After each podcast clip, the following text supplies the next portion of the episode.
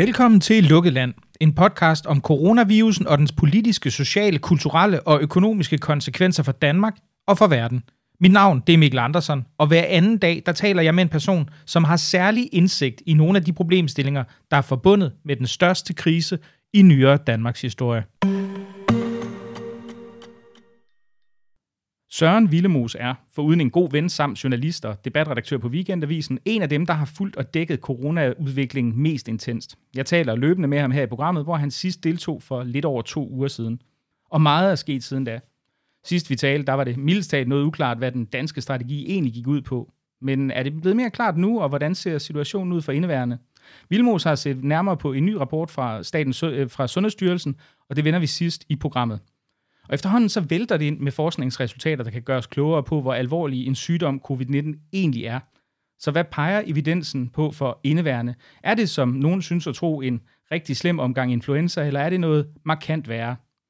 Hvad med situationen på den anden side af Øresund, som jeg også vendte forleden dag med Tino Sanandashi, over hos svenskerne? Hvordan står det til her? Er de på vej mod den flokimmunitet, som så mange taler om, eller er det bare et blålys? Alt det vender vi i dagens program. Og velkommen til Søren Vilmos. Jamen øh, tak. Tak fordi jeg var med igen. Jamen, øh, du er jo den faste... Jeg er glad for at kunne være med løbende. Prøv at høre, det, altså det, det kan man jo sige, øh, altså hvor den uafhængige øh, hos Asger Juhl har coronalåne, så har jeg jo så Søren Villemos som den fast tilbage. Sådan er det simpelthen. Så, øhm, men jeg ved, du har et, øh, du har et indlæg øh, det skal, i øh, Weekendavisen, der udkommer her i morgen torsdag. Det skal siges, at vi optager det her, det her onsdag aften. Så øhm, kan du prøve at fortælle, hvad det går Det er rigtigt. Jamen, det er, jo, altså, det er jo for folk, der har fulgt med i lukket land og har hørt vores program tidligere, så det er jo ikke fordi, at det er nye pointer, men og man kan jo sige, måske er debatten også lidt forældet i en dansk kontekst, men jeg synes nu alligevel, at lige at øh, det var på tid, altså, at der lige skulle slås fast, hvorfor at det der flokimmunitetsstrategi, altså hvorfor det er altså virkelig er et dødfødt politisk projekt, altså hvorfor det kan lade sig gøre politisk, med mindre selvfølgelig, at det viser sig, at dødeligheden for den her corona er helt, altså bare er en influencer, ikke? Så, så, så vil det godt kunne lade sig gøre. Men ellers, så, så er det nok ikke jordens bedste idé. Det er sådan set bare det. Faktisk synes jeg, det er en syg idé. Mm. Men, men hvorfor, altså, prøv, prøv, prøv at uddybe lidt for dem, der eventuelt er kommet sent ind i forløbet her. Prøv at fortælle, hvorfor det er en syg idé, efter din jo, mening. Jo, men man kan sige, altså, ja, man kan sige, øhm, flokimmunitet, som faste lytter nok efterhånden godt ved, hvad er, det er, når man, øh, altså det er det niveau af mennesker i samfundet, der skal være smittet, sådan så at de sikrer den resten af samfundet for ikke at blive smittet, kan man sige. Det er kort fortalt. Ikke? Det er sådan så, at epidemierne, ligesom, når de når op på det niveau af smittet, så er der så mange immune i samfundet, der bliver immune for antistoffer, at, øh, at, at, det, at der ikke længere kan bryde brede epidemier ud i samfundet. Ikke? Og, og man regner med, at med corona, der er det på 60 procent. Øhm, og, og man kan sige, at flokimmunitetstilhængerne, øhm, at de mener jo, at det sådan set er uundgåeligt. Altså, vi kan ikke stoppe den her virus. Så det, vi i stedet for skal gøre, det er bare at sørge for at nå op på de her 60 procent i et tempo, så sundhedssystemet kan følge med. Og, og så selv hvis vi prøvede at gøre noget andet, kæmpe imod den, så vil den alligevel slippe ind, og vi vil ikke kunne stille noget op, og så vil vi alligevel før der siden ende med flokimmunitet. Så der er ikke noget, altså vi så godt bare give op, og så lade det rulle hen over os, kort fortalt. Og man kan sige, hele det argument bygger på, at øh, altså, hvis det, altså, hvis det skal være, altså det er en god idé, hvis der er en meget, meget lav dødelighed af en virus. Så, altså, fordi så man kan sige, at, og det kan lyde enormt kynisk osv., men hvis nu 60% af samfundet bliver smittet, og der kun var, det ved jeg ikke, 500 der døde, altså så ville det jo, så vil det, så vil det være svar til en, altså det vil være en vild influencer eller noget. Altså meget er faktisk altså en enorm vild influencer. Ikke? Så det vil, det vil vi jo aldrig lukke samfundet ned for at stoppe. Det vil aldrig være noget kapacitet, overkapacitet, altså kapaciteten vil aldrig være troet på sygevæsenet eller noget som helst. Men hvis, øh, hvis dødeligheden nu er meget højere, altså, så er, taler vi jo pludselig om mange, mange tusind, der vil dø. Og det vil, og, og udover de tusinder der vil dø, så vil det også være alle dem, der kræver lægebehandling. Og så er det jo pludselig en kæmpe, hvad kan man sige, pukkel, vi sådan skal kæmpe os igennem. Øh, og, og det skal jo så ske i et eller andet tempo, så, øh, sam, altså, så sygehusvæsenet kan følge med. Og så kan det jo potentielt være noget, der tager i meget, meget lang tid, måske et til flere år. Øh, og så er det pludselig ikke lige så god en idé længere. Men, øhm, men det, altså, så derfor er det jo ekstremt risikabelt at risikere altså at satse på en flokimmunitetsstrategi, fordi vi ved jo ikke noget rigtigt om, eller vi ved noget om den her virusdødelighed, men der er stadig enormt stor usikkerhed omkring det. Altså hele, det der, hele den der virusens dødelighed, det er jo det helt store emne. Især, altså, især i de her dage, synes jeg, at det er noget, der bliver virkelig øh, sat fokus på i flere studier. Det, det kommer vi til om, om lidt, det skal vi, det skal vi nørde øh, lidt, lidt mere i forhold til, men, men en ting, altså der er jo et, også et argument ude, hvor folk siger, jo, men det kan godt være, det kan godt være, at man kan sige, at den agerer anderledes end influenza, i og med, at den smitter hurtigere, og flere, sådan, at flere ender med at flere bliver smittet samtidig, så, så, så at faktisk der er rigtig mange, der rammer hospitalerne på én gang. Men at, at hvis du kigger ud over et længere forløb, så er det egentlig øh, så, det, så er der egentlig ikke nogen reel overdødelighed i virkeligheden, hvis du kigger på det, fordi så kan man sige, så vil de mennesker, der, der, der bliver hårdt ramt af den, de, de dør måske meget pludseligt, men de vil være døde for størstedelens vedkommende, sådan, men være spredt ud over, ja. over en længere periode. Så hvis du kigger på det statistisk, jamen, så vil det stadigvæk minde i høj grad om influenza. Okay. Ja, altså hvis, hvis dødeligheden er meget lav, så vil de mennesker, der dør af den, være de allermest svækkede, som jo nok alligevel vil være døde inden for altså, ganske kort tid. Ikke? Altså, øh, og så det kan man sige. Men, øh, men der er bare meget, der tyder på, at dødeligheden er meget højere end en influenza. Og så er det pludselig ikke bare et spørgsmål om, at vi pludselig, øh, altså der er mange mennesker, der skal dø. Det også, kommer også til at blive et spørgsmål om, det kommer til at tage meget tid. Og så er der endnu, altså, og så det, jeg bare har, altså, som bare er det åbenlyse politiske problem med det her, det er, at du står i en national krisesituation, der fordrer sammenhold i nationen, i folk, befolkningen. Og hvis du så laver en flokimmunitetsstrategi, hvis du erklærer den politisk, så deler du befolkningen op i to. Altså dem, der skal smittes, og de andre. Og så splitter du befolkningen.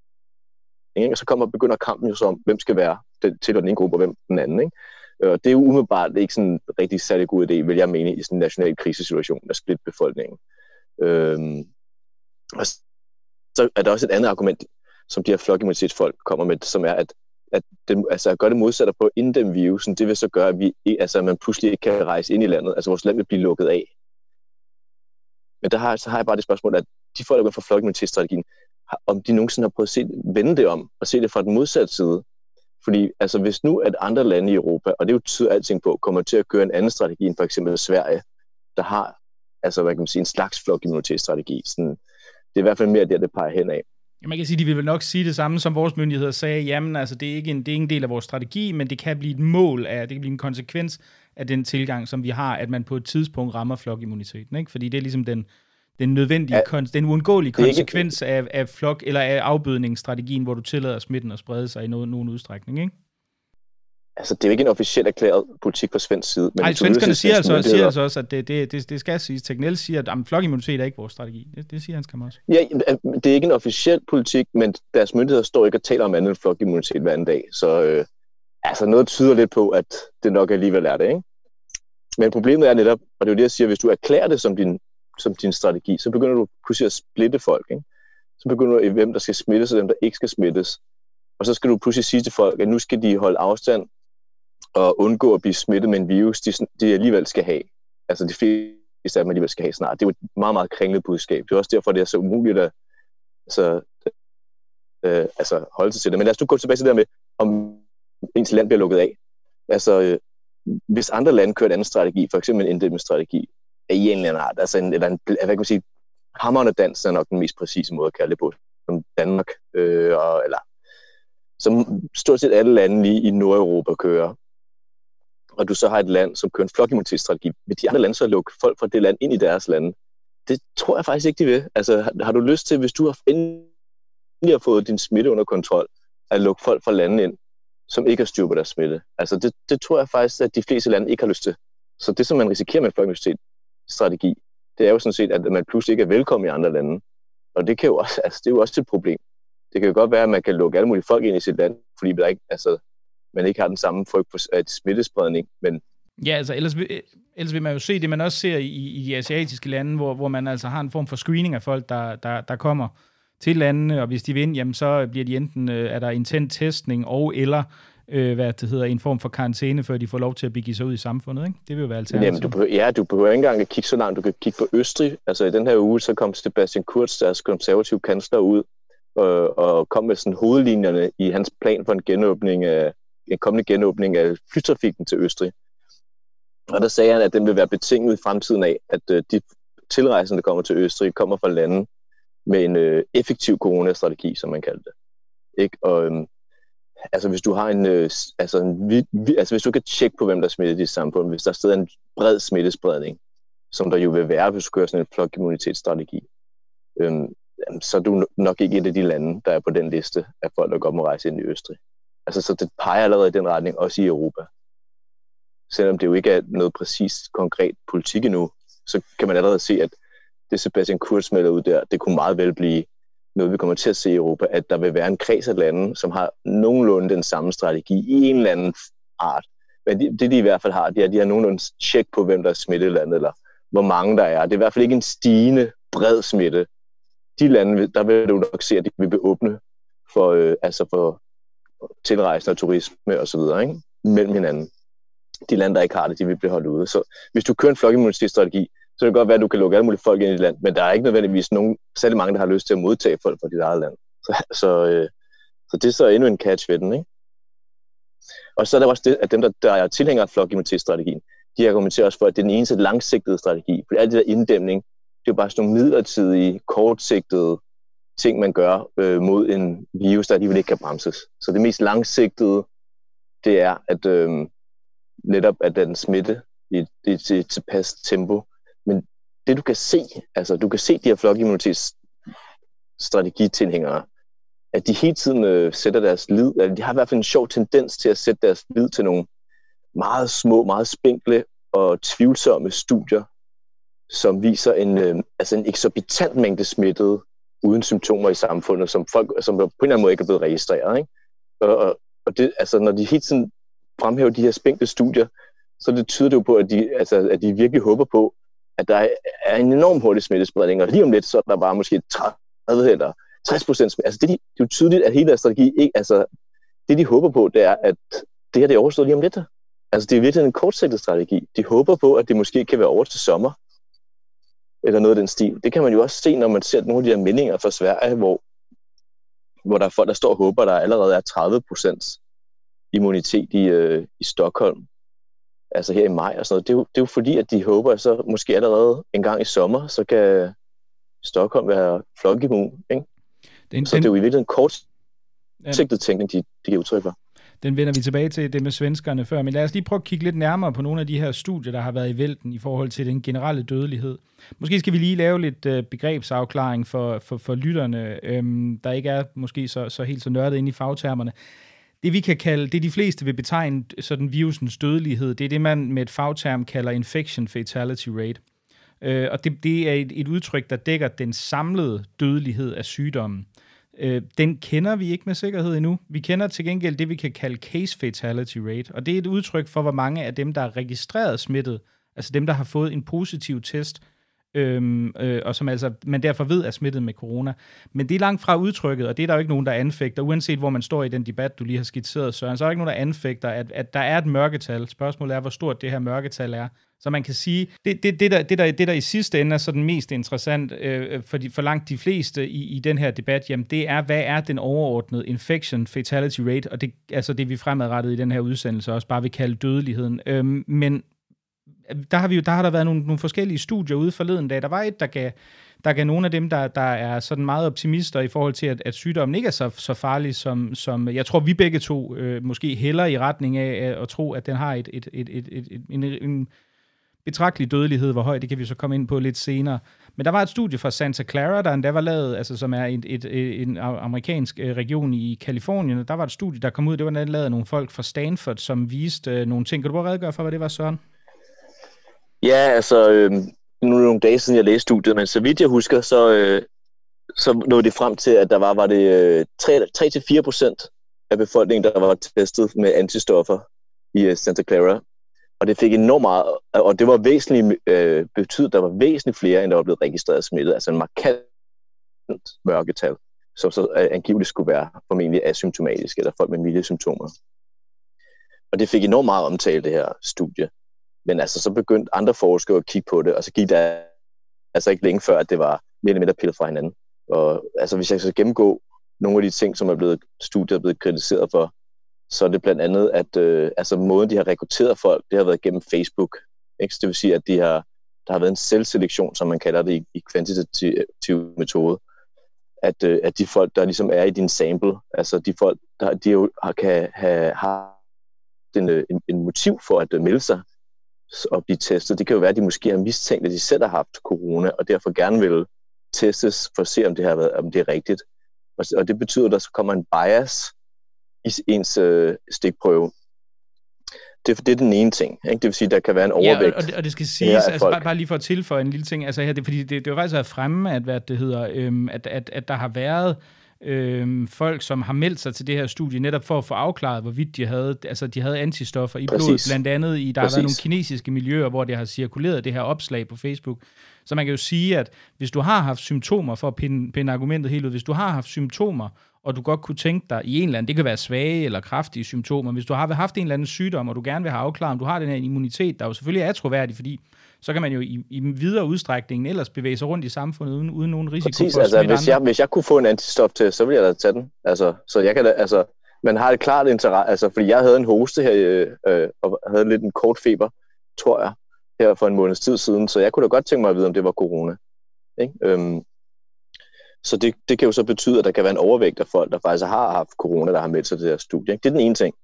Men så den anden ting, det var så, at de havde brugt en, øh, de har brugt en ikke-valideret antistoftest med en rigtig høj øh, andel af falske positive. Altså det vil sige, at du simpelthen kan komme og teste folk som positiv, som, som ikke er det. Altså folk kan måske have antistoffer for andre coronaviruser, som øh, den her prøve ligesom øh, testing ligesom fanger og kommer til at melde positiv, som om at det er covid-19, selvom det måske virkelig bare har været en influenza, en corona, almindelig corona-influenza eller noget andet.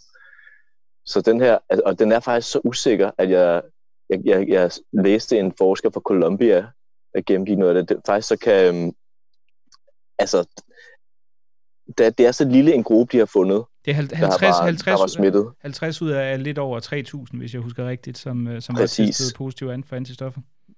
Præcis, og det betyder jo, at, øh, at, at når du har så få at gøre, så kan, faktisk de, så kan de alle sammen faktisk, altså de, der er en sandsynlighed for, at de alle sammen er falsk positive. Når, øh, de det kan være alle sammen er falsk positive, eller halvdelen med meget stor sandsynlighed. Så allerede der er det så usikkert, at, øh, at, at ham der fra Columbia, han simpelthen sagde, at han, han synes, at øh, forskerne fra Stanford skyldt øh, offentligheden, altså alle en undskyldning for, at de har spildt folks tid med en statistisk fejl. Så det studie kan man ikke bruge til noget. Men, øh, men der, der er folk, der hæfter lid til det. Og, og, og grunden til, at de gør det, det er jo netop, hvis du er tilhænger af flokimmunitetsstrategien. Hvis så, fordi så vil det netop vise det jo en stort mørketal af, af, af smittede. Og, og hvis det mørketal er der, så betyder det, at dødeligheden er ekstremt lav. Ikke? Og, og, og hvis du regner dødeligheden ud for det her studie, så var den også meget lav, så vidt jeg husker. Var det nede i sådan noget promillestørrelse eller noget af den stil. Måske 0,2 procent. Kan du huske det, Mikkel? Jeg, jeg kan faktisk Hvad? jeg, mener, det var 0,1, 0,2 øh, noget i den stil. Ja, men det er jo fuldstændig lige meget, fordi studiet er ubrugeligt. Men det viser et meget lavt øh, dødelighed, ikke? Men, men, det, men det kan vi godt skrotte, det studie. Det, det, det, er, et, det er et af mange antistofstudier, øh, som man kan skrotte. Der, altså, jeg må alligevel sige, at jeg, altså, vi står i en global pandemi, og vi er i en verden fyldt med dygtige kvantitative forskere, men der er til synligheden nærmest ingen, der kan finde ud af at lave en ordentlig stikprøvestudie af antistoffer i befolkningen. Det kan jeg simpelthen ikke forstå, hvordan det kan lade sig gøre. Altså, det er virkelig, virkelig overraskende udulighed, jeg ser for, altså for ret estimeret øh, universiteter osv., hvor de begår rimelig stupide fejl, hvor man tænker, hvad fanden foregår der? altså, jeg kan ikke forstå, hvordan det kan lade sig gøre. Men der, jeg tænker, der, der må snart komme noget mere solidt, end det, det, vi har set de sidste uger, for det har altså ikke været imponerende. Men vi har vel set noget, altså vi har jo et, øh, altså der kom jo, det var jo også i, i går, der kom et, et studie fra Genève, øh, altså i Schweiz, hvor man har set på, øh, på, på et udbrud her, og der ser det ud til, at de har lavet et, et, et, et, altså et reelt randomiseret studie, hvor du altså simpelthen har udvalgt folk tilfældigt fra populationen og så testet. Ja, altså så vidt jeg kan vurdere, nu har jeg ikke, jeg har siddet og læst øh, resuméet af studiet, jeg har, ikke, jeg har ikke været inde og kigge helt præcis i det, men så vidt jeg kan se indtil videre, så er det det mest solide antistof øh, studie, vi har indtil videre. Det vil jeg sige, ja, det er det fra Genève. Og, øh, og hvis vi kigger på det, fordi det er nemlig rigtig interessant, hvis vi kigger på det, altså Genève, det, der er en halv million indbyggere i Genève, og de har 207 døde. Jeg, jeg var lige en tjekke tallene her, inden vi startede. Øh, og ifølge det her studie, som er blevet lavet hen over de sidste, altså for den, hen over to uger, har de lavet to, altså det, det består af to målinger i to forskellige uger. Og i den første uge, som var fra den 8. april og en uge frem, der var der, var der ifølge studiet 17.000, øh, var smittet i Genève. Og så ugen efter, så var det 27.000. Det vil sige 10,5 procent til 5,5 procent, så vil jeg husker. Og, det er nem, og hvis du så tager, det, tager de her tal, og dividerer det med antallet af døde, og nu ved jeg godt, nu, nu får jeg så dagens dødstal, og dividerer med, nogle, med et antal øh, smittet for nogle uger siden. Men det, det, men det er faktisk en meget god måde at regne øh, øh, dødeligheden ud på, fordi vi skal huske, at du får ikke bare virusen og dør. Altså, der går gerne altså, 3-4 uger, før du bliver smittet, til du dør. Så at gå tilbage og kigge på, hvad andelen af smittet var i Genève for to uger siden, og så se på dagens dødstal, så får du formel, altså, formentlig en ret præcis øh, dødelighed. Og jeg har lige siddet og talt den, og hvis du kigger på dem for to uger siden, og, altså hvis du laver den udregning, så er, så er, øhm, så er vi oppe på 1,2 procent. Det er en dødelighed på 1,2 procent. Hvis du tager det øh, dagens dødstal og dividerer det med det fra den anden uge i det studie, så er dødeligheden 0,76 procent. Så det er en høj dødelighed. Altså det er, det er meget højere, end, øh, end det der Santa Clara-studie viste, og meget, meget højere end, end nogle af dem, som altså, er fortaler for flokimmunitetsteorien, nogensinde har, altså, har givet udtryk for, de mener er sandsynligt. Men, til, altså, men det, ja, men det, det, det er det mest solide antistofstudie, jeg kan se, vi har indtil videre. Du, jeg kan huske, øh, nu, du, du talte jo også med, øh, med pandemigeneralen, øh, øh som jeg, hvis navn jeg desværre har glemt, men den øh, sydkoreanske øh, hvad det hedder, epidemiolog, der har været med til at bekæmpe ja, blandt andet øh, SARS og MERS og en lang række andre smitsomme sygdomme, øh, og været dybt involveret i os i, i beredskabet i forhold til kampen mod covid-19 nu her. Har de nogle estimater i Sydkorea for, for, for den overordnede dødelighed her?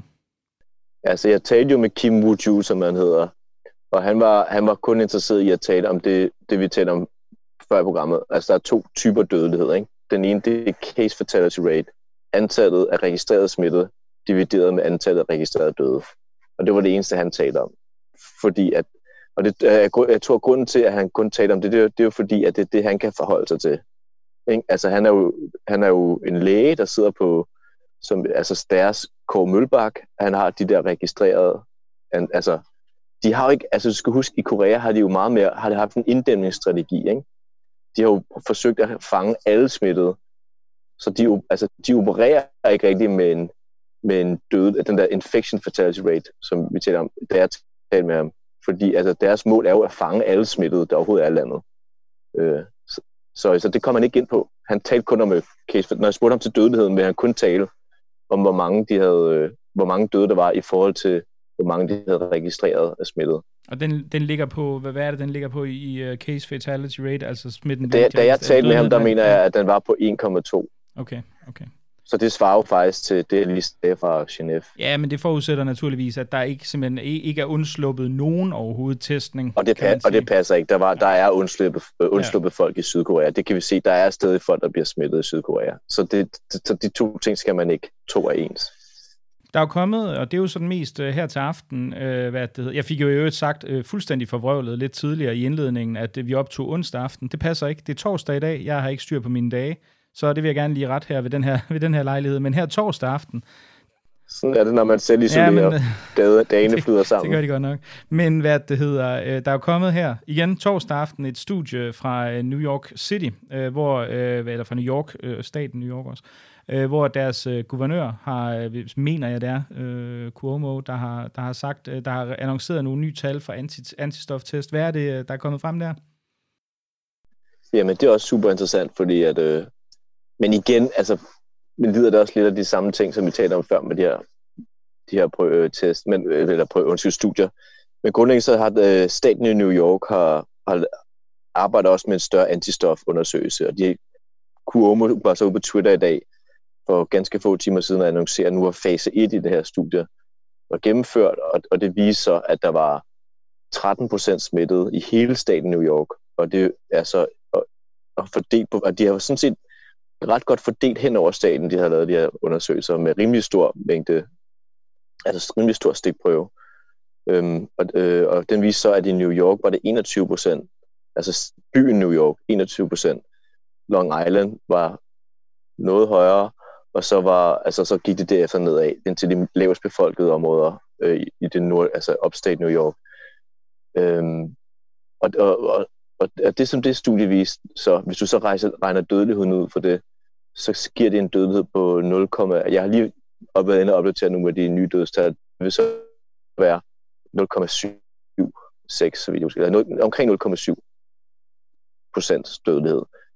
Men det studie har også problemer. Altså det, og det, det her studies problem handler også igen om, hvordan du har indsamlet, altså lavet din stikprøve.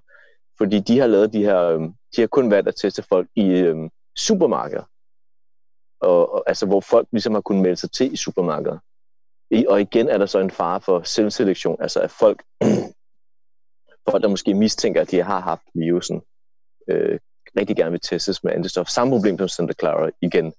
Plus, at øh, når du kun tester folk, som er uden, har bevæget sig uden for sit hjem og er nede i supermarkedet, så har du allerede øh, en del af befolkningen, der ikke er helt ikke er repræsentativ under en karantæne. Fordi der er jo også folk, der selv isolerer, som ikke går udenfor, som ikke går i supermarkeder.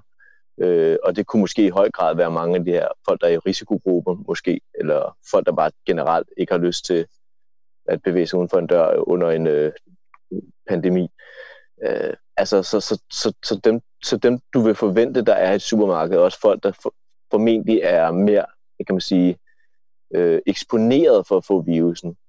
Så alene det, at de er udenfor, folk der bevæger sig uden for hjemmet, der er taget, det er et, og så to, at de kunne melde sig til, vil igen gøre, at der formentlig er en bias, som peger retning af, at der er en højere andel her øh, af, af dem, der er i studiet, der har været smittet i forvejen.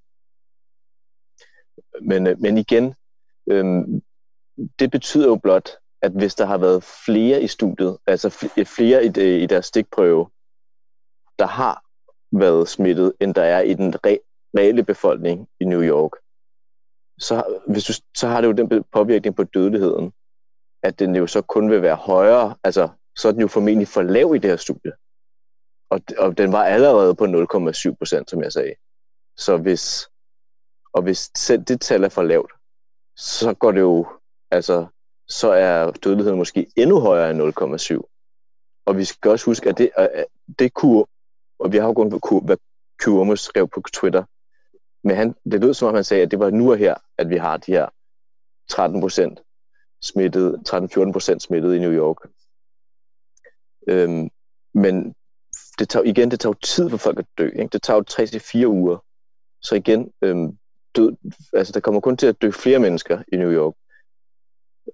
I virkeligheden så burde vi jo tage øh, dødstallet om tre uger, så dividere med det her tal. Og det vil jo igen også kun gøre, at dødeligheden vil ryge op af. Så altså, øh, det her studie, selvom det ikke er, um, selvom det har problemer i sin stikprøve, altså selv samplingen, så peger det i hvert fald ikke i retning af en, øh, af en meget lav dødelighed. Som, det gør det ikke. Det peger i retning af en ret høj dødelighed. Jeg, jeg, jeg sad lige her, mens vi snakkede, så lavede jeg lige en hurtig øh, beregning på, øh, på hvad en dødelighed på 0,7 procent vil betyde i Danmark. Altså hvis vi øh, siger, hvis vi regner med, at det er jo Kåre Mølbaks tal, at, at flokimmunitet øh, kræver 60 procent inficeret.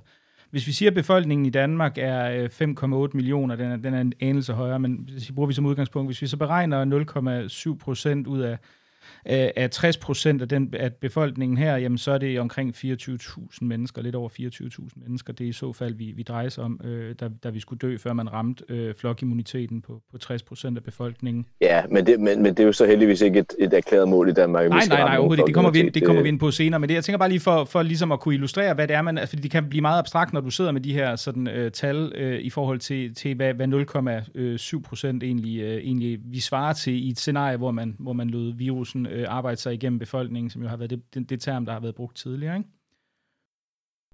Ja, men vi kunne godt sige, hvis vi godt, vi kunne godt antage, at der er en dødelighed på omkring 1%, måske med de her studier. Altså, hvis vi nu antager det, hvor mange døde har vi i Danmark nu? Er det cirka 400? Ja, det er omkring. Ja, det skal vi jo så gange med 100. Så har vi antallet af smittede i Danmark, ikke? øh, og det vil så, så vidt jeg kan regne ud være 40.000. Og det skal du så sige 40.000 for cirka tre uger siden. Ikke?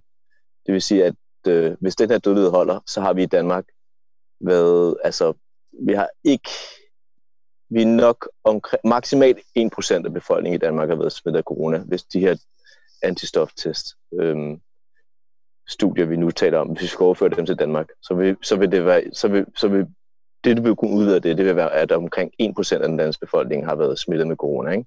Det, det vil så sige, at ja, det er ikke særlig meget. Det, det er det virkelig ikke. Det, og det er væsentligt mindre end de antistofprøver, vi også lavet her i Danmark, som jo også, altså, som der ikke er nogen, der tager særlig seriøst. Fordi at de også viser skøre ting. De viser nemlig 3-4% i hele befolkningen, og det, det tror jeg det virker ikke realistisk. Nej, jeg tror også, det er vigtigt et eller andet sted her, øh, og, og måske understrege, altså alt det, vi sidder og kigger på her, er jo, er jo, er jo forløbige tal. Altså der er utrolig meget, vi ikke ved om den her virus endnu, og jeg kan heller ikke, jeg kan heller ikke udelukke, at der skulle være øh, fejl i, de, i, i andre hensener i forhold til ukendte parametre, som gør, at tallene i virkeligheden er lavere, end hvad vi forestiller os. Men man må bare sige, at den intuitive retning, det vi ser på fra, fra, fra, fra de her ret omfattende studier i, i henholdsvis Geneva og også New York, og der er andre, andre steder også, der, der ser ud til at tegne et, et billede, der også går i den retning. Det, det tyder i hvert fald ikke på, at, at, at den overordnede dødelighed er, er influenza-lignende, så det, det tror jeg vel godt, man kan sige med nogen sikkerhed. Altså lige nu, der peger alt i den modrette. Det er ikke alt, men alt, alle de nye antistoftester, så, altså, som kommer ud i de her dage, peger ikke i influenza-retningen. Øh, eller det kan godt være, at øh, i næste uge, så vil vi trække det hele land, fordi at der er nogen, der har kigget alle de her studier igennem og fuldstændig pille dem fra hinanden. Det kan vi ikke udelukke. Ingen af os. Øh, men øhm, men det, der, det er i hvert fald der, vi står nu. Jeg, altså jeg, jeg vil mene, når du ser ud over mainstream lige nu i forhold til dødelighed, så ligger den et sted mellem 0,5 til 1,5 i det spændrum. Og jeg mener, altså, de danske myndigheder, de ser 0,3 til 1 procent, og det er ikke noget dårligt bud. Altså, det, det, var, det, også, det, det, det, har det været også WHO's bud, er det ikke det? Mm, det har i hvert fald fremgået af rapporter fra WHO. Jeg ved ikke, om det er et officielt bud fra deres side, men det har fremgået af deres rapport, øh, at de også at de arbejder med det estimat. Så det, er meget, det har været meget mainstream i lang tid. Men noget tyder på, at man måske skal rykke bunden lidt op og toppen lidt op også. Altså, vi begynder at have et spænd, som måske begynder at rykke sig ikke, det, ikke, ikke i influencer-retning, som, som, som sagt. Nå, apropos øh, beregninger af, af øh, sådan med behæftet med usikkerhed, så kan det være, at vi måske lige skal, skal vende øh, situationen i Sverige, fordi det virker jo... Øh, Altså, det virker jo ret syret. Jeg sad jo og snakkede med, med, med, med nationaløkonom uh, Tino Sanandashi her forleden dag, og hvor han, uh, han uh, kritiserede et bloddonorstudie fra, fra, fra Sverige rimelig intens, der kom frem til, at 11 procent af Stockholmerne var, var, skulle være inficeret med, øh, med, eller skulle have været inficeret med corona, og øh, det, det gik jo hverken værre eller bedre, end at det, halvanden time efter, jeg havde optaget den udsendelse, så kom det frem, at de svenske myndigheder havde trukket studiet tilbage, fordi at det var groft misvisende. Og det er vist heller ikke den eneste fejl, jeg lavede, men kan du prøve at, kan du prøve at redegøre lidt for det, Søren? Jamen altså, jamen altså, det har været, altså der var det der studie, ikke? Altså, som var, som du lige nævnte, ikke? som var først i programmet på Sverige, Svensk TV, altså øh, SVT's aktuelt, ikke? Øhm, og altså 11 procent, og det var helt sikkert, at, at de alle sammen var smittet, fordi den her, der var 0 procent øh, falsk positiv i den her test, og så videre, hvilket at jeg har set, at det, det virker urealistisk. Men øhm, men så viser det sig dagen efter, at øh, deres sample, som i øvrigt var ekstremt lille, det var kun 100 mennesker, øh, 100 blodprøver, de havde taget, at, at, at, at, den, at de her blodprøver har formentlig været blandet sammen med nogen, som har, altså har givet deres blod, fordi de har været testet af corona, og de, og, og de vil gerne give noget af deres plasma til patienter, der måske kunne, øh, altså, så det kunne bruges i deres behandling, hvis de nu var syge. Ikke? Altså, så de har, har doneret deres antistoffer. Ikke? Så, øh, så det var helt håbløst. Men det, der så skete, i den her uge var endnu mere pinligt, synes jeg. At det var, at, øh, at, at, at de svenske sundhedsstyrelse, folk, Folkehelsemyndigheden, eller jeg ved ikke rigtigt, jeg er ikke så god til svensk, men øh, der stod en der, chefen for deres analyseafdeling på pressemødet og skulle øh, præsentere deres nye rapport, som så vidt jeg kan se, hvis er deres første rapport, den, altså, altså vi er jo to måneder i pandemien, og det er først nu, at de laver en rapport, hvor de prøver at komme med et bud på, hvor mange smitter der er i Sverige. Øh, og, og de tog så udgangspunkt i Stockholmsområdet. og det var helt bizart, fordi på, på powerpointen til det her pressemøde, så stod der så, at de regnede med, at der var et mørketal, det vil sige, der var en, øh, altså for hver, for hver registreret smitte, du har, øh, så, så, så er der et vis antal smitte, som, altså, som du ikke har fået registreret. Og hvor stort er det mørketal? Det havde de så givet nogle tre scenarier på. Øh, og det ene scenarie, det sagde, at der var øh, 100, altså der var øh, 100 for hver registreret. Det andet, det var, at der var, jeg ved ikke, det, øh, hvad var det? Det var et eller andet 5, 500 eller sådan noget for hver registreret smittet. Men så det sidste scenarie, det sagde så, at der var 1000 altså smittede for hver registreret. Ikke? Og, og så til det på med, så sidder så en uafhængig journalist fra et eller andet blog og rækker hånden op og siger sådan, men, men der er jo 6.000 registrerede smittede i Stockholm. Det, ifølge scenarie, så skal der jo så være 6 millioner registrerede. Og så står, så står de der og siger, altså man kan, så er de helt forbløde for de der, for, og siger, oh, der, der, må være en fejl, der må være en fejl i powerpointen, står de så og siger. Og, så, og det, det rapporterer de svenske myndigheder så, eller pressen så, at der har været en, der har været en fejl i powerpointen. Problemet er så, at, at de har jo, altså, de har jo offentliggjort rapporten den dag. Og der kan man se det der estimat med, at der er 1000, altså, altså et, at de arbejder med et scenarie med 1000 smittede så, øh, ud for hver registreret smittet. Det står i rapporten. Det står mange flere steder i rapporten. Det er et, det er et af deres scenarier, og det er ikke bare et af deres scenarier. I, i stedet i rapporten, der, der skriver de faktisk, at de regner med, at det er det mest sandsynlige scenarie. Den del viser sig så at være en, øh, en slåfejl, de kommer til at lave der. Men, altså, så, men, men ikke bare er der en slåfejl, altså en decimalfejl i, hvad de regner for det mest sandsynlige. De tror, at en PowerPoint, noget, der er forkert i PowerPoint, noget, der er forkert i PowerPoint, er, er, er, var bare var en præsentationsfejl, men det viser sig simpelthen at indgå i rapporten. De, har, altså de svenske myndigheder har siddet og arbejdet i ramme alvor, og, og, og det er gået igennem flere hænder jo. Det er jo med et scenarie om, at der skulle være 6 millioner, altså som, hvis konsekvens ville være, at der ville være 6 millioner smittede i en region, hvor der bor 2 millioner. Altså det er jo, øh, altså, ja, det, er jo, det, er jo, det er jo så pinligt. Altså det, altså, det, det er jo ikke ligefrem noget, der styrker ens tillid til de svenske sundhedsmyndigheder, når man ser sådan noget. Jeg ved du, nej, det, det, jeg, jeg ved ikke, det, det, virker, det, virker, det virker virkelig, virkelig surrealistisk, at man i en, i en situation som indeværende øh, kan, kan begå den her type fejl. Men jeg ved, du sidder også og kigger på lidt andre ting i forhold til udviklingen i Sverige. Kan du prøve at redegøre for, hvad det er, du, øh, du tænker i forhold til? Nå, nå, men når lige kommer tilbage til den der, fordi der er mange mærkelige ting i den der rapport, ikke? fordi nu er de så opdateret den, ikke? og nu arbejder de så også med et scenarie, der hedder 75 øh, smittet for hver registreret smittet, som Øh, og det er, bare, det er jo bare andel, som de, de hiver ud af luften. Der er ikke nogen grund, altså der er ikke noget, de argumenterer ikke for, hvorfor de mener, der er så mange. Øhm, men det, de så skriver, det er, at, at de mener, at der var 76 aktivt smittede i midten af april. Men, men, men at der så var endnu flere, som havde, øh, allerede på det tidspunkt, som havde antistoffer. Det, øh, det, og, og at der så her inden 1. maj vil der være en halv million i Stockholm, der er smittet.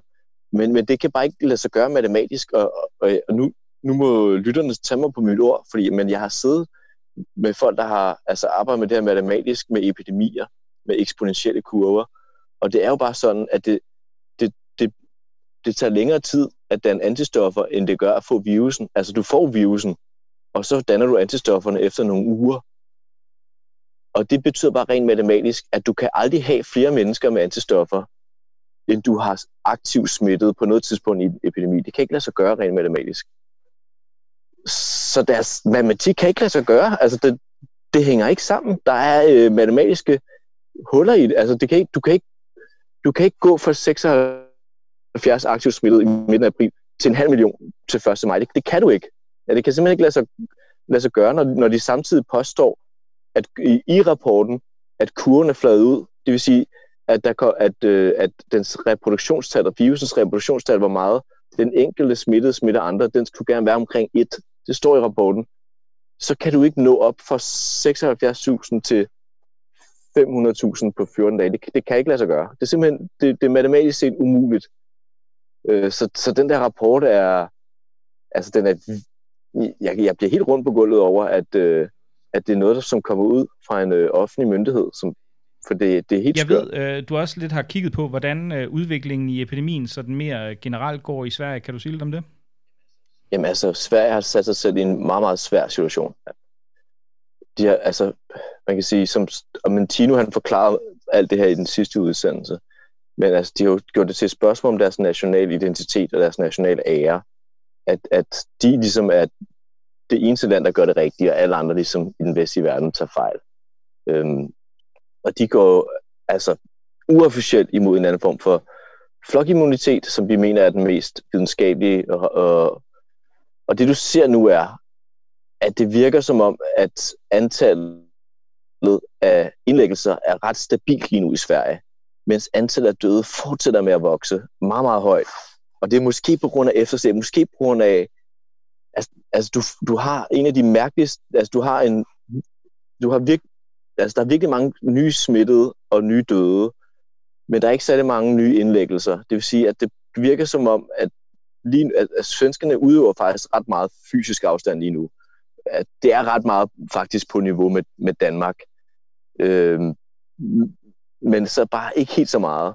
Det vil sige, at øh, hvor vi nu har en, måske en reproduktionstal for vores virus på 0,6, det er det officielle tal for vores myndigheder lige nu, så ligger det i Sverige måske omkring 1, måske lidt over 1, måske lidt under 1. Vi ved det ikke rigtigt.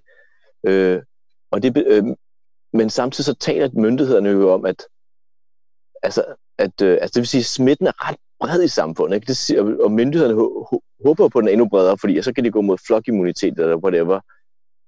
Men det betyder jo nu, at, at du har så mange smittede i Sverige, at du ved ikke, hvem der er smittet, og, og myndighederne har jo ikke opbygget en plan B. Altså, de er jo ikke i gang med at ud, altså, sætte telte op, med, øh, så de kan teste alle, og lave, altså, og lave kontaktopfølgning, og sætte folk i karantæne. Intet af det har de i gang i.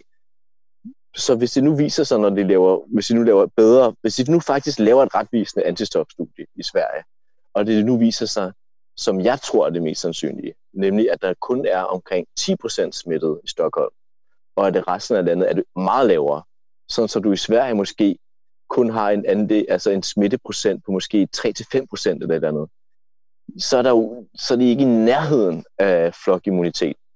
Men så, så det eneste alternativ, de har nu, det er så enten bare fortsætte det, de gør, eller lave en nedlukning, så de kan få reproduktionstallet ned.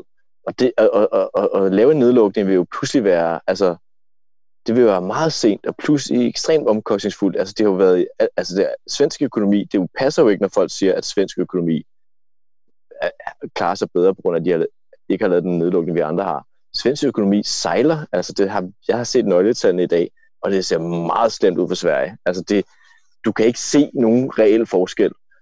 Tværtimod ser Danmarks økonomi faktisk, altså forventninger til Danmarks økonomi, formentlig ud til at være bedre. Og det har ikke rigtig noget at gøre med vores politik, noget af det her. Fordi vi er jo en del af en global økonomi, og Sverige er meget afhængig af eksport. Og så at de har holdt nogle restauranter og et par frisører åbne, har jo ikke, og, og deres biografer, det har jo ikke gjort nogen økonomisk forskel på landet. Det, øhm, så, så, så de står i en situation, hvor at, øh, de egentlig bare kun kan blive ved med at gøre det, de gør nu, i meget, meget lang tid fremover, medmindre de laver en eller anden form for nedlukning, hvilket vil være et kæmpe politisk, ikke bare prestigeskab, men, øhm, tab, men det vil også være svært at forklare i en situation, hvor man har investeret så meget i den anden fortælling. Altså det eneste håb, svenskerne har lige nu, det er sådan nogle studier, som det vi sagde før med Santa Clara der, eller hvad det hedder, at, at det er sådan nogle studier, der er rigtige, og ikke sådan nogle studier som dem fra Genève og dem på New York. Fordi det, altså, for ellers så kommer det her til at blive meget, meget, meget langvarig og meget omkostningsfuld. Ja, altså, det, altså de kommer til at være senere ude end alle andre med at skulle omstille sig til en anden strategi. Fordi Danmark har jo, har jo omstillet sig af flere omgange. Britterne øh, omstillede sig for over en måned siden, altså for en måneds tid siden, da de også havde samme strategi for Sverige. De lavede også et radikalt skift, og hollænderne har jo også nu, altså der var jo kun en lille klub af lande, som forfulgte øh, den her, øh, det, jeg, det jeg vil kalde, altså den der afbødningsstrategi, som jo er baseret på en influenza-model. Ikke? Altså det er sådan, du normalt vil gøre, hvis du har en influenza-pandemi. Der vil du bare tænke, okay, så vil vi udvider, vi sørger for at isolere de udsatte, sørge for, at øh, de får deres vacciner, det kunne du så gøre i det her tilfælde, og så ellers udvider vores kapacitet på sygehuset væsenet. Ikke? Øh, det, det var det, som, øh, som Danmark, England og Holland og Sverige satte på i starten, som var imod WHO's anbefalinger, som handlede om, at man skulle inddæmme virusen, ikke? og du skulle kontaktopfølge og isolere osv. Øhm, men det, det ændrede, det, de andre, alle, alle de andre lande har jo skiftet kurs. Svenskerne har, altså hvis du tager den, den der, der hedder Hammeren og Dansen, ikke? Hammeren og Dansen, som er det, som ham der softwareingeniøren fra, øhm, fra Silicon Valley, ja, øh, har formuleret, ikke? og som er jo sjovt nok, det er jo gået hen og blevet sådan, det, som øh, myndigheder og politikere over hele den vestlige verden taler om nu, det er, at du starter med hammeren, og hammeren, det er nedlukning, den skal være hård, den skal være radikal, den skal være hurtig, for at stoppe de her eksponentielt voksende smittekurver. Ikke? Og det du så bagefter skal gøre, det er, at du så, altså det du så bagefter gør, det er at åbne samfundet. Øh, mens, og når du så gør det, så vil virusen jo så få bedre vækstbetingelser, men der skal du så altså danse for, altså ind og ud af døren, eller altså åbne lidt op, åbne lidt ned, eller du skal stramme skruen et sted, hvis du løsner den et andet. Det, det er det, man kalder hammeren og dansen. Øh, og, og, og Sverige, de, er, altså, i den, altså, de har jo også lavet nedlukninger. Ikke? De har jo lukket gymnasier og universiteter og andre ting, så vidt jeg kan se, øh, og har faktisk lavet, og, og, og befolkningen har jo på egen hånd øh, faktisk lavet enormt, enorm social distance. Så der har jo faktisk været nedlukning i Sverige. Det har bare været, det har ikke været hammer, det har været, som Henrik Dahl på Facebook, han kaldte det, en lille gummihammer. Ikke? Øh, og, og, og, og hvis den ikke er nok til at få øh, virusens reproduktionstal ned under et, altså radikalt ned under et, sådan, så man kan begynde at få ting under kontrol, men hvad gør du så? Altså, så, så, altså skal, så skal de jo så lave, altså, så skal de komme med en ny hammer igen, eller hvad? Hvad, hvad har de tænkt sig? Det, jeg, jeg kan ikke se andet, end at svenskerne står i en virkelig, virkelig svær situation. Og, og, og, for, og hvis de bare vil og problemet er bare, at mynd, alle myndighederne i Sverige taler jo om meget positivt om, at det snart kan åbnes igen. Og, og hvis de begynder at åbne igen, altså hvis myndighederne bliver ved med at tro på de her ting om, at der er flokimmunitet og det hele er godt, jamen så kan reproduktionstallet jo stige voldsomt meget hurtigt. Og så begynder det, vi at kunne se, at det svenske altså, sundhedsvæsen måske ikke kan følge med. Fordi det er, lige nu er det svenske sundhedssystem meget presset. Altså, vi, og det har det været længe. Det kan godt være, at de udvider kapaciteten løbende, men de er stadig på 80 procent. Altså, jeg tjekker hele, øh, løbende, hvordan situationen er, i, især i Stockholm. Og der har de ligget på 80% af deres intensiv kapacitet i lang tid nu.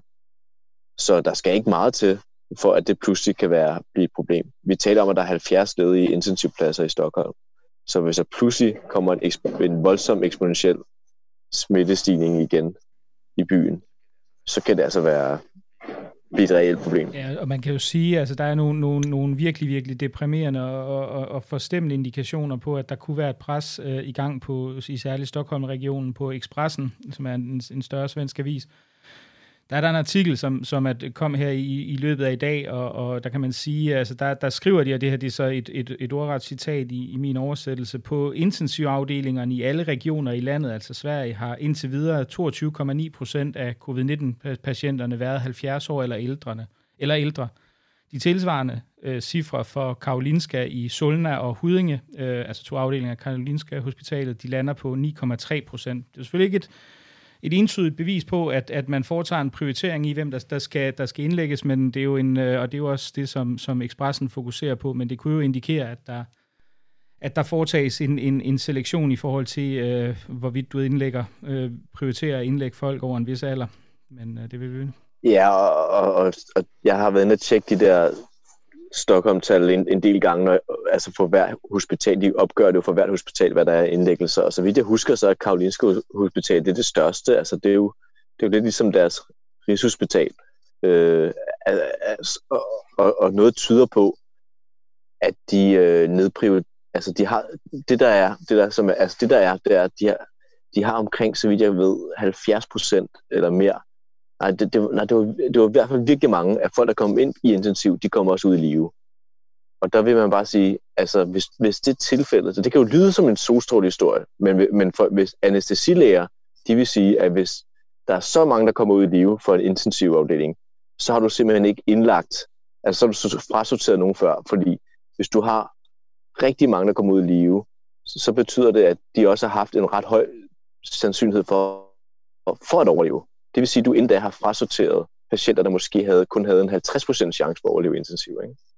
Altså hvis du sørger for at have folk, lægge folk ind på intensiv, der har en 50% chance for at overleve, så vil du også ende med at have cirka 50% der kommer ud i live. Ikke? Altså det siger, altså, forstår du, hvad jeg mener? Altså, Øh, der, så, så, så, så noget tyder på, at inden folk overhovedet kommer på intensiv, så altså, at de, der er en frasortering, at de frasorterer måske ældre patienter. Og man skal huske, hvis du er over 80, er der en stor sandsynlighed for, at, at din krop er for svag til, at du kan øh, indlægges på intensiv. Så det er ikke i sig selv mærkeligt, at man som plus 80-årig ikke bliver lagt på intensiv. Men når det, så, når det er så høj en procentdel, der overlever intensiv, og når den ligger så lavere de andre hospitaler i regionen, så tyder noget på, at der er noget galt. Eller ikke noget, jeg ved galt, det ved jeg ikke. Der er i hvert fald der er i hvert fald nogle folk, der ikke bliver lagt på intensiv. Man man kan i hvert fald sige, det, det, er, også, det er jo i hvert fald også den, øh, den vinkel, som, som de svenske medier øhm, selv kører på, på, på det, at der kunne være noget, der indikerer, at man foretager en, en selektion i Stockholm-området i forhold til, til de ældre. Ikke? Men, Lige præcis. Og så er det jo, kan man sige, hvis det er tilfældet, øh, så er det jo let at holde sin intensiv kapacitet, ikke? hvis man bare lader være med at indlægge folk. Ikke? Og det er jo ikke, altså det er jo ikke, altså det, det er jo, det er en uhyggelig tanke. Og her der tillader jeg mig lige at afbryde dagens udsendelse for en meget kort bemærkning. For lukket land er gratis, og det bliver det ved med at være. Men jeg bruger en del tid på at lave og producere programmet, så hvis du kan lide det, du hører, så vil jeg sætte enormt stor pris på din støtte. Du kan bidrage til mit arbejde ved at gå ind på lukketland.dk og i hjemmesidens højre side vælge, om du vil donere et fast beløb for hver afsnit, der udkommer, eller om du hellere vil bidrage med et fast månedligt beløb. I alle fald tusind tak for det, og også en stor tak til alle jer, der allerede har valgt at bidrage. Og så tilbage til dagens program. Men Søren, så er vi jo kommet til, jeg plejer jo faktisk at stille det her spørgsmål sådan i toppen af udsendelsen, det har jeg gjort i lang tid, men nu har jeg gemt det her lidt til, til lidt senere. Men uh, hvad er den danske strategi så? Det er jo altid det spørgsmål, der har været, det har været helt umuligt for, for uh, virkelig mange i, i ret lang tid at besvare, men uh, du har jo set lidt på, uh, på uh, Sundhedsstyrelsens uh, statusrapport med, med den, uh, den meget embedsmandsagtige titel Status ved indgangen til 8. epidemiuge. Kan du, øh, kan du gøre os lidt klogere ja, på men læste du den ikke også? også læst den. Eller jeg har i hvert fald læst den, en god del ja. af den. Jo, jo, men jeg er jo intervieweren, så jeg skal jo spille bolden over til dig, ikke også? Ja, vi har altså. begge to læst den. ja, det har vi. Okay, så. Jeg stødelægger mit journalistiske momentum, Søren. Kom så i gang. okay, jeg kommer i gang. Altså, jeg vil bare sige, at øhm, altså, jeg, jeg, jeg, jeg, jeg har lyst til at rose de danske sundhedsmyndigheder i den forstand, at, hvad kan man sige, da virusen kom til landet, var det jo helt åbenlyst fuldstændig uforberedte.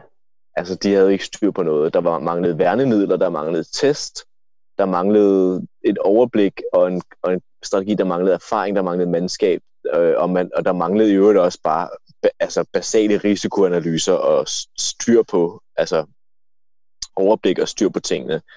Og, øh, og så kom der altså mange ugers fumlen frem og tilbage, at nej, grunden til, at vi ikke tester, det er fordi, at det mest bedste er at fokusere på øh, de, altså dem, der kommer ind på hospitalerne og sundhedsvæsenet, men så viste det sig at det jo nok mest var fordi, at du, altså, når du kun har en lille bunke test, så skal du nok, er nok bedst at bruge dem på de folk. Ikke? Men at det op, altså, de, sundheds, altså, sundhedsmyndighederne famlede virkelig meget i Danmark, øh, fordi de blev taget på, på, seng, på sengen. Ikke? Øh, men grund til, at jeg så alligevel vil, vil rosen, på trods af, at det har, det har været så forvirrende for alle, det er, at i det mindste så virker det som om, at de, altså de prøver at lære. Ikke? Altså det skriver de jo faktisk i rapporten i starten, at, øh, at de prøver at lære af omverdenen og af andre landes erfaringer. Og, og altså det, det erkender de, og det, det synes jeg, altså, der har været enormt meget sludder og bullshit og udenomsnak og embedsmandsrøv i løbet af det her forløb. Og så synes jeg bare, det er så synes jeg bare, de skal rose for i mindst at skrive, at de prøver at lære ikke? I, i, deres, øh, i deres nye prognose. Og når man så læser den, så synes jeg faktisk, at, øh, at det virker som om, at de prøver at lære. Altså, der er mange ting i den, som er ret ambitiøse, og som tydeligvis er et radikalt skift for, hvordan man tidligere har håndteret virus i Danmark. Altså, de skriver jo, at vi, nu skal vi op på cirka 42.000 tests om dagen, og kommer det op i omdrejning og bliver en fast del, så er det jo så det er jo virkelig et omfattende testapparat, vi har. Det, øh, altså, så vil vi jo teste sådan nærmest, øh, ja, hvad vil det være? Det vil være øh, lidt, under en, øh, lidt under en procent af, af befolkningen om dagen. Øh, og, og, og, og det er ikke bare folk, altså det er ikke bare folk med symptomer, der skal testes. Det er også folk, som er asymptomatiske, som arbejder i alle, mulige sektorer, men også hvis du har været i kontakt med en person, som har været har haft covid-19, og du ikke sætter nogen symptomer, bare det, du har været i kontakt med en person i 15 minutter, så skal du også testes. Og det er jo, altså, det er jo, det er jo et helt andet niveau nu, vi har af, af altså ambitionsniveauet er en helt andet. Og, og så kan man også læse i det, at, øhm, at de vil også vil tage kontaktopfølgning øh, mere seriøst. Så vidt jeg kan sige, det er kun rigtig, egentlig kun nævnt i en enkelt sætning, men der står, at de, øh, altså, at de er, øh, arbejder sammen med nogle organisatoriske kræfter. Ja, og eller noget de, siger, det, de siger faktisk, at der vil komme et, et, et, et særskilt notat, om øh, der, der, der vedrører kontaktsporing, og det er jo noget af det, jeg sidder på, øh, på pinden for, og det glæder jeg mig ekstremt meget til at læse. Ja, men, men... ja og, og, og noget af det, som jeg bemærkede, det var, at de skrev, at der vil være en app, som vil understøtte den del. Det vil sige, det er ikke appen, der nødvendigvis skal drive det hele, og det er det, vi har talt om før, at at, at, at, at, at der har været nogle udmeldinger fra K. Mølbak, som lød som om, at hele vores kontaktopfølging i Danmark alene skulle hvile på en app. Og her, når man læser rapporten her, virker det som om, at appen skal understøtte noget organisatorisk. Og det begy- så begynder man at sige, okay, så der kommer også, altså, kommer faktisk måske folk, der skal begynde at sådan sidde i en afdeling og arbejde med, hvem har været i kontakt med hvem, og sådan noget. Det, det er jo sådan noget, øh, andre lande gør. Så, så jo mere jeg læser det her, og nu spørger du, hvad er strategien? Og Kåre Mølbar blev også spurgt om den anden dag. Han sagde, at det passer ikke, at vi er på en inddæmningsstrategi. Så vi er stadig i en afbødningsstrategi, men hvor vi henter elementer af en inddæmningsstrategi. Og det, og det mener jeg egentlig, at, mest, at, mener jeg sådan set, at det kan lyde enormt forvirrende, og det er det også. Men jeg mener, det er den mest præcise måde at beskrive det på, fordi det er jo bare hammeren og dansen. Altså, du, øhm, du er ikke sikker, du, altså du ved ikke, at du, har, altså du tør ikke tro, at du kan helt udrydde virusen. Det, det, det, det, er trods alt for ambitiøst et mål men man, man tror på, at man kan holde smitten nede, altså, og helst så meget nede som muligt med de midler, man nu har til rådighed. Øh, altså, så, så det er vores, den danske strategi, så jeg kan se nu, er hammeren af dansen. Det er en øh, meget ambitiøs afbødningsstrategi. Altså så ambitiøs, at den kan gerne må være en, altså, kan, altså, kan gå over i, inde, altså, har elementer af inddæmning, og måske endda også altså kan ende sådan i perioder. Ja, og man ikke? kan jo sige, altså det bliver jo sådan lidt et definitionsspørgsmål, fordi så kunne man jo godt hævde, at at, at de asiatiske lande også lidt havde det samme, ikke? fordi man kan sige, de opdager jo også kontinuerligt små udbrud af smitte i en eller anden udstrækning. Så man kan sige, de udløb... Ja, men ja, de har så bare ikke rigtig nej, hammeren, vel? De har nej, nej, lavet de, de der brutale nej, ja, det, ja, nedlukninger, de har haft. Nogle, Sing- Singapore, de har bare dansen, ikke? De har er dansen. Ind, der er Japan er også ved at ende med noget, noget, noget nedlukning i forskellige udstrækning.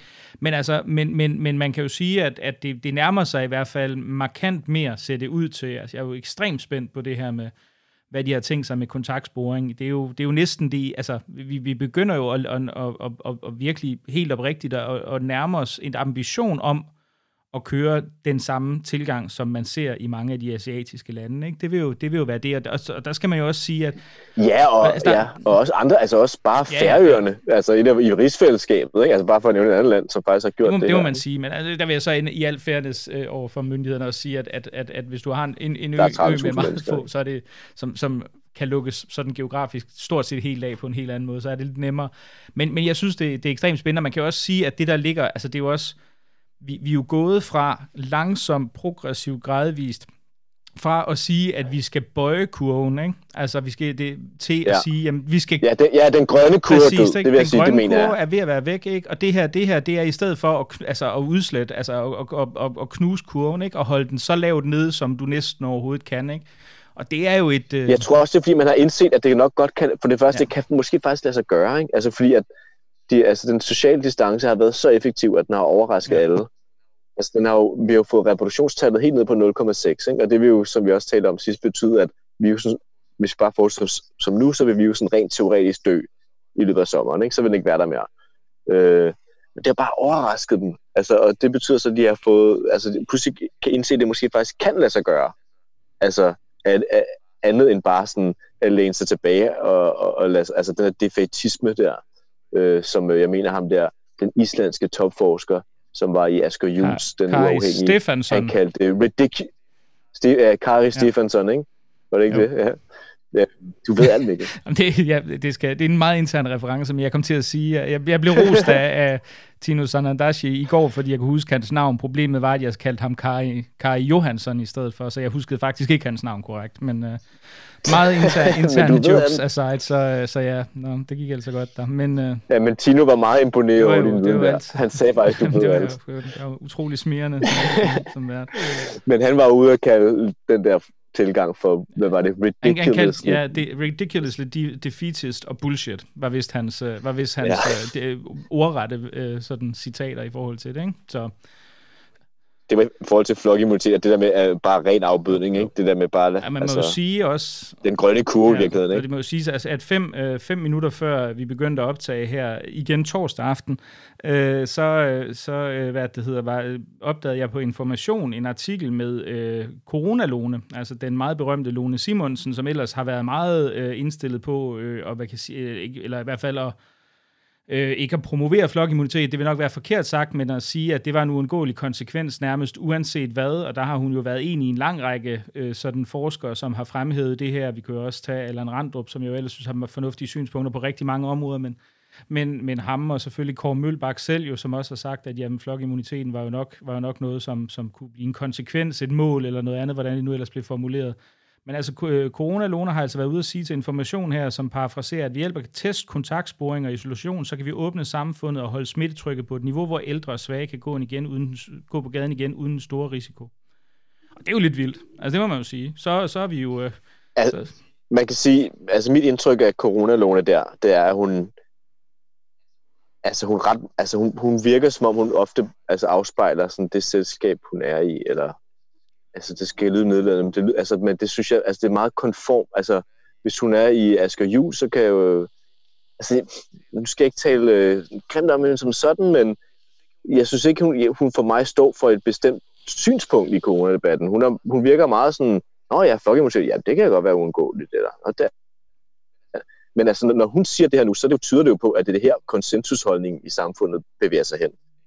Ikke? Altså, det er jo, man kan tage hende lidt som en temperaturmåler på. Altså, hvor bevæger vi os nu hen? Som, hvor bevæger konsensus hen? Og det virker som om, at nu alle er begyndt at indse nu, at massiv test, kontaktopfølgning og isolation, som WHO og østasiatiske lande og alle mulige andre lande har taget af med meget lang tid, måske faktisk er en meget god idé. Altså, det, altså, måske ved vi ikke bedre end alle dem.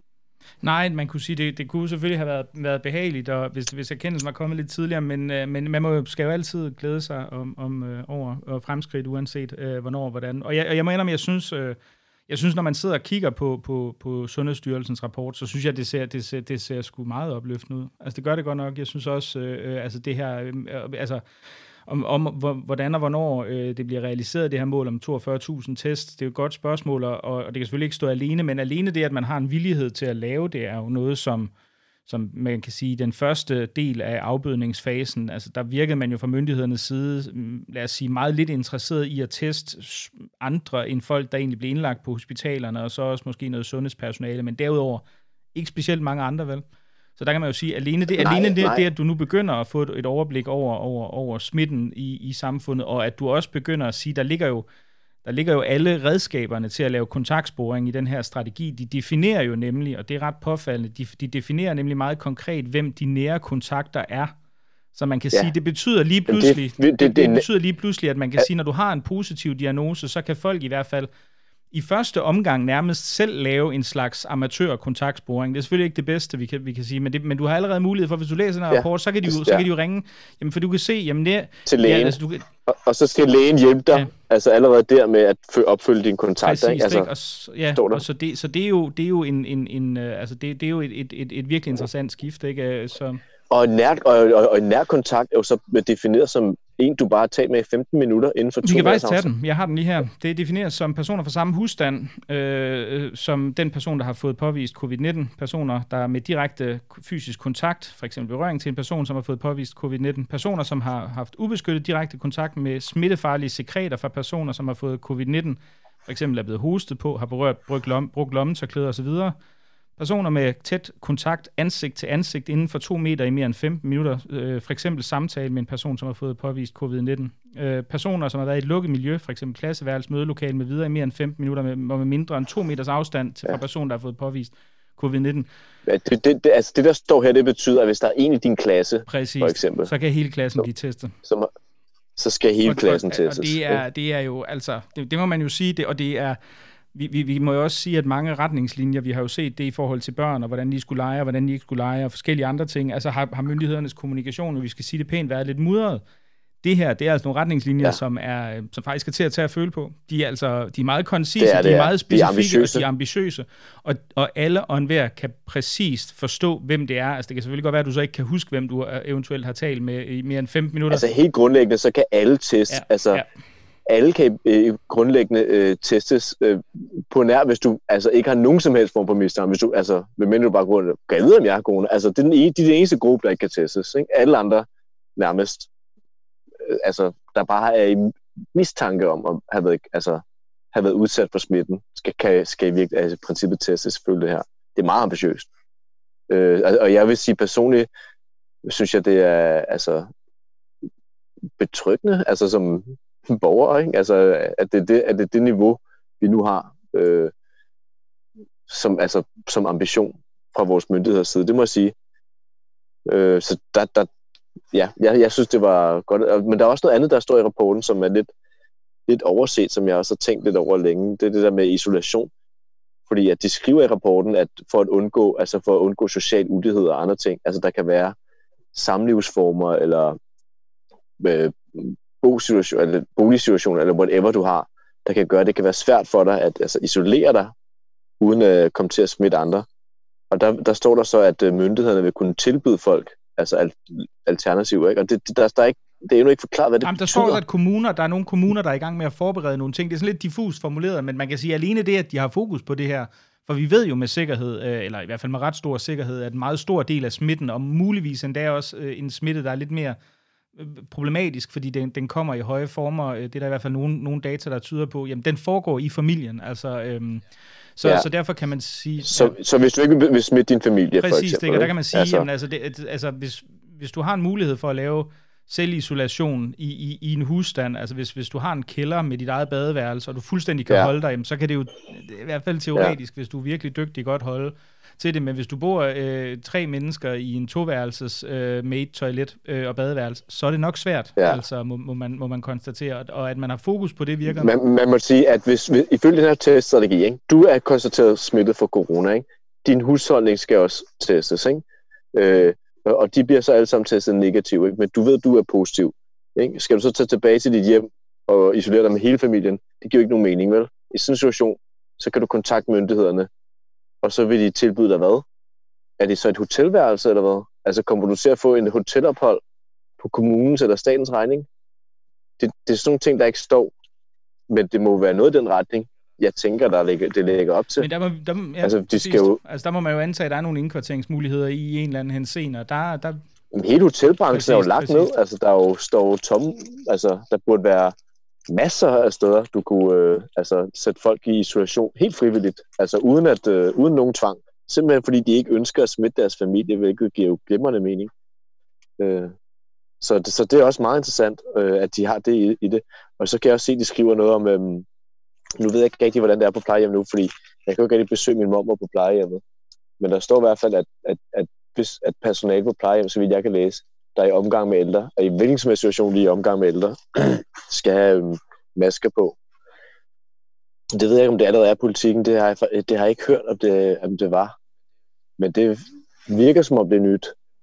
Ved nej, du noget om nej, det? Jeg ved det ikke. Altså, jeg må sige, jeg, jeg, jeg, jeg synes jo... Øh, altså, jeg synes jo, masker er måske den, øh, den sidste ting, øh, som, øh, som, som ja, vi kan sidde det, og, og fortsætte med at larme lidt over, hvis, hvis, hvis, hvis det virkelig ser så, så fint ud, som, som det er udlagt her. Men altså... Øh, ja, det er så den sidste, den sidste ting, hvor, hvor man kan sige, altså der er bare meget, rigtig meget, der tyder på, at masker kan gøre en kæmpe, øh, altså kan gøre en rigtig stor forskel.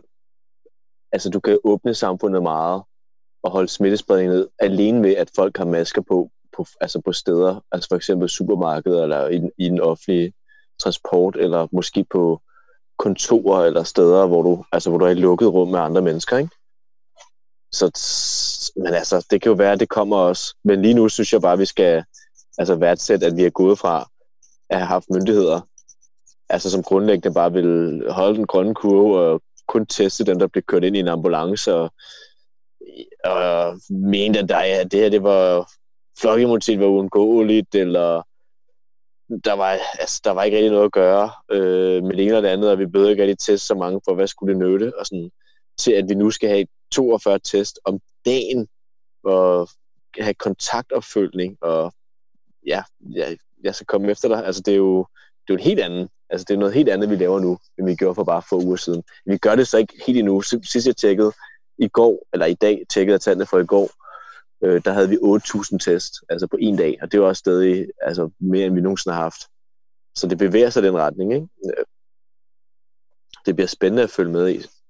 Og ja, ja, ja, ja det, det, jeg vil sige, jeg er glad for, at, øh, at man så vi, altså vi mindst prøver at finde en form for best practice i Danmark, ikke? og ikke bare har sådan en, kan man sige, den der bedrevidende, arrogante, sådan et selvfed holdning, som, jeg, som ofte præger, hvad kan man sige, myndigheder i skandinaviske lande. Altså, det er jo en ting, vi har. Altså, danske embedsmænd tror, de er de bedste i hele verden til deres job, ikke? Og det er de altså ikke altid. Og så tror jeg for en, en sjældent gang skyld, Søren, at jeg, jeg vil ende programmet på sådan en øh, den her sådan relativt øh, positiv udgang, trods de, de dystre udsigter i forhold til den overordnede dødelighed, og også, øh, også situationen i Sverige.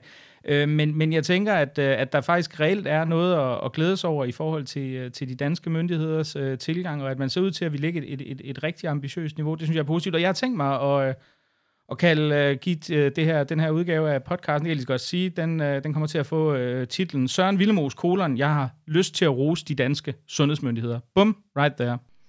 Skarp vinklet, men fair nok. Simpelthen. Nå, men ved du hvad, Søren, hvis, hvis, jeg synes, vi skal snakkes ved om, uh, om 14 dage, og så kan vi jo se lidt nærmere på, om, uh, om optimismen var, uh, var, var begrundet eller ej. Det, vi vil begynde at få nogle, uh, nogle tal for, hvordan det går, og eventuelt også uh, se på, hvordan den her åbning har, uh, har påvirket smittetallene til den tid. Men øh, du skal have tusind tak, fordi du var med, øh, og vi snakkes ved senere.